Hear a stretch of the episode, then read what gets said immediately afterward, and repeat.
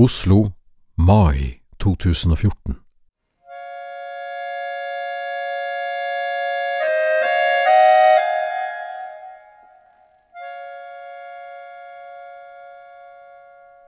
Jeg vil først fortelle om vann som blander seg.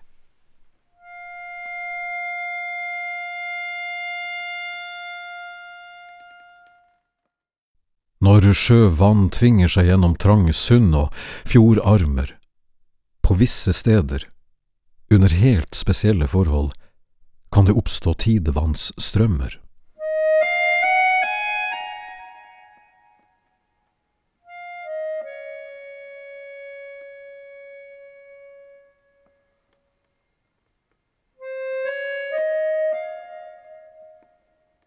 Tidevannsstrømmer oppfører seg slik. Fjorden blir en elv av fossende havvann som renner vekselvis den ene veien, vekselvis den andre.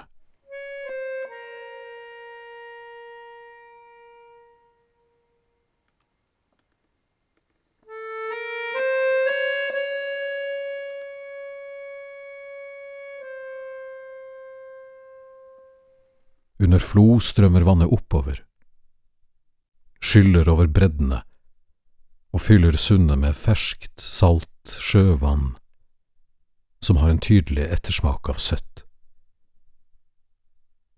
Ferskvann fra bekker og elver endrer retning og bøyes av på sin vei mot havet. Skylles oppover av det tunge sjøvannet i stedet for nedover. Når flomålet er nådd, står vannstrømmen stille en kort halvtime. Overflaten har bare ørsmå krusninger. Strømmer av vann som snor seg i hverandre. Og når tidvannskreftene nok en gang river i vannet, begynner det sakte å sive ut, motsatt vei, på vei mot fjære og hav. På få minutter tar vannet fart, blir igjen ei elv, men denne gangen tverrvendt. Ukjente som passerer blir forvirra, rant ikke den elva den andre veien for to timer siden? Har selv tyngdeloven blitt opphevet nå? Noen minutter senere fosser sjøvann og ferskvann ut fjordmunningen før fjæramålet blir nådd noen timer senere. Og da starter det hele om igjen. Det er som vannkreftene har et åndedrett. Innpust. Utpust. Det stanser aldri. Det går aldri over.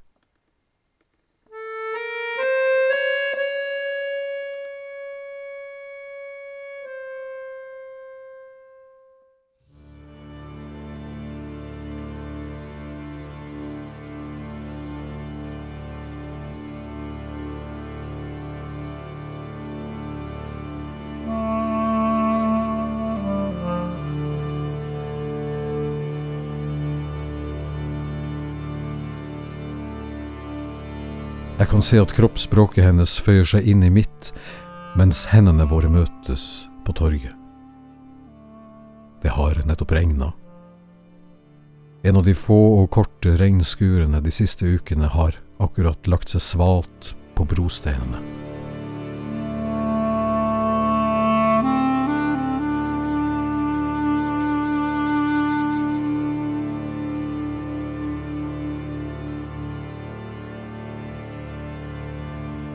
Hun har reist seg fra benken, og det er da jeg gjenkjenner bevegelsene våre. Hver for seg er de enkeltstående, men i det sekundet håndflatene våre møtes, blir de en tidevannsstrøm. Og det finnes ingenting som kan stanse oss. Dette skjer under helt spesielle forhold. Tyngdekraften settes til side og overprøves av tidevannskreftene. Jeg går over mine bredder. Hun tar over der jeg slipper.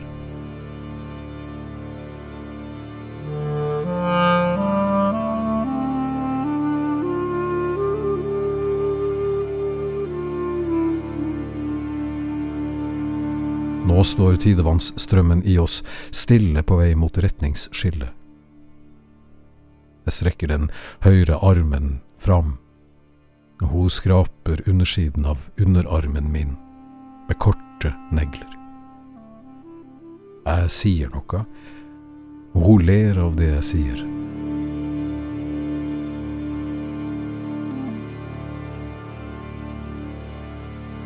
Ved T-banebommene lener hun seg på skrå over mot meg. Jeg følger. Det er ikke mulig å skille mitt kroppsspråk fra hennes. Vi er en urgammel tidevannsstrøm som kommer og går.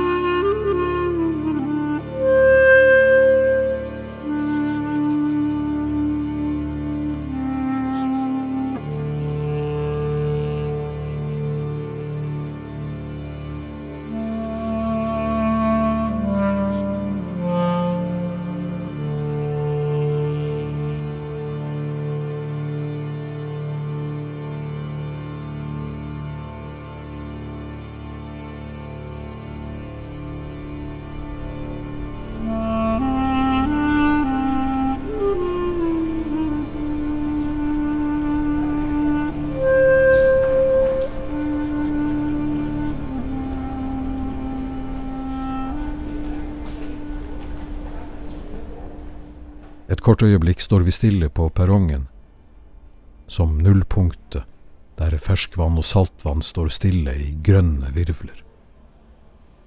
Hun legger hodet mot den venstre skulderen min, hvisker noe. Jeg svarer ja, i morgen. Så trekker vinden gjennom tunnelen, lystavla skifter til nå. T-banen sklir opp fra mørket, bremser. Dørene åpner seg. Hun skritter inn, blir stående i døråpningen.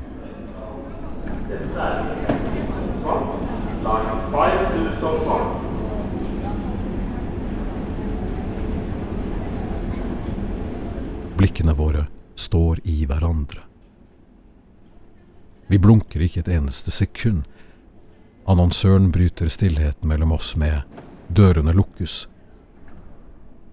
Jeg står ytterst på den gule sperrelinja. Hun legger den ene håndflaten sin mot vinduet. Jeg legger min hånd på samme sted, slik man bare ser på franske filmer fra 50-tallet, der kvinnen legger hånden mot togvinduet, og han på perrongen gjør det samme der på jernbanestasjonen Gare du Nord.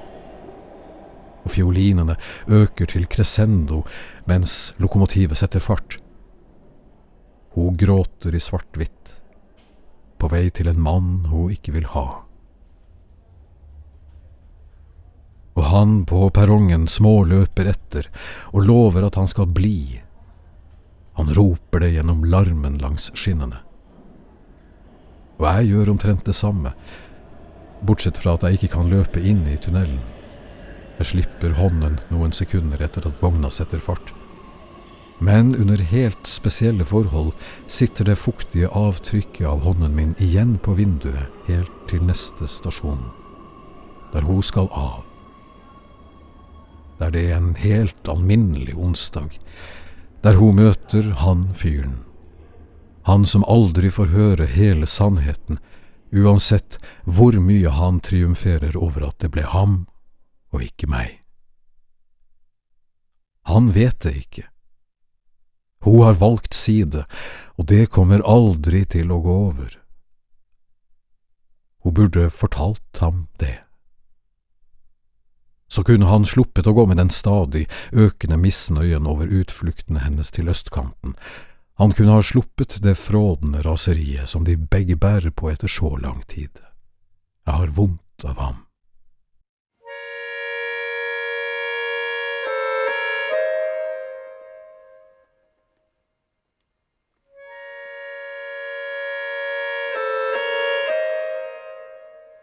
Til sist vil jeg snakke om natur, krefter og tid.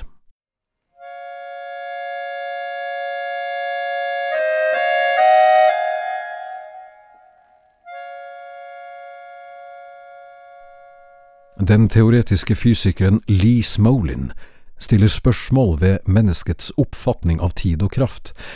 Han mener at gitte forhold endrer seg.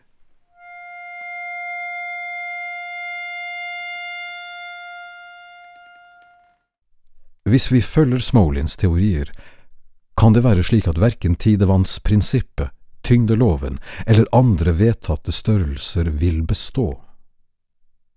Vi tror at det vi omgir oss med, er selvsagt. Vi tar det som selvsagt at krefter består. Men Smolin sier at det ikke finnes evige lover. Han ber oss tenke oss om en gang til før vi konkluderer. Sett i dette perspektivet, det er for øvrig svimlende, kan det med andre ord godt hende at tidevannsstrømmene under gitte forhold vil dukke opp på andre steder enn vi tror, og at T-banevognsettet kommer tilbake til stasjonen mot togførerens vilje. Det ville naturligvis gitt både Sjøkartverket og Ruter problemer. I Sjøkartverket ville det skapt vansker fordi man ikke ville ane hvor man skulle sette nye sjømerker for å hindre grunnstøting. Og i Ruter fordi hovedstadens kollektivnett ville gått i stå, for alvor. Ulykker kunne det også blitt, men det får være. Under helt spesielle forhold ville det være til beste for alle parter at ulykker skjedde. Før det var for seint, for alltid. Før den klamme og tilsynelatende lykken senket seg. Jeg burde ha fortalt henne det. Jeg har så vondt av henne. Men selv om jeg vet det, holder jeg det for meg sjøl. Jeg vet at jeg burde ha sagt noe om det hun sa den kvelden. Hun sa, Kjære, dette er det mest oppriktige jeg noensinne har sagt til noen.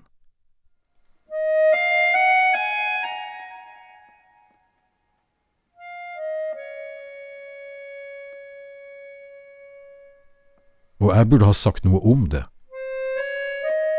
Det går ikke over bare fordi man ikke setter ord på det. Jeg vet det. Jeg har forsøkt det. Gang på gang.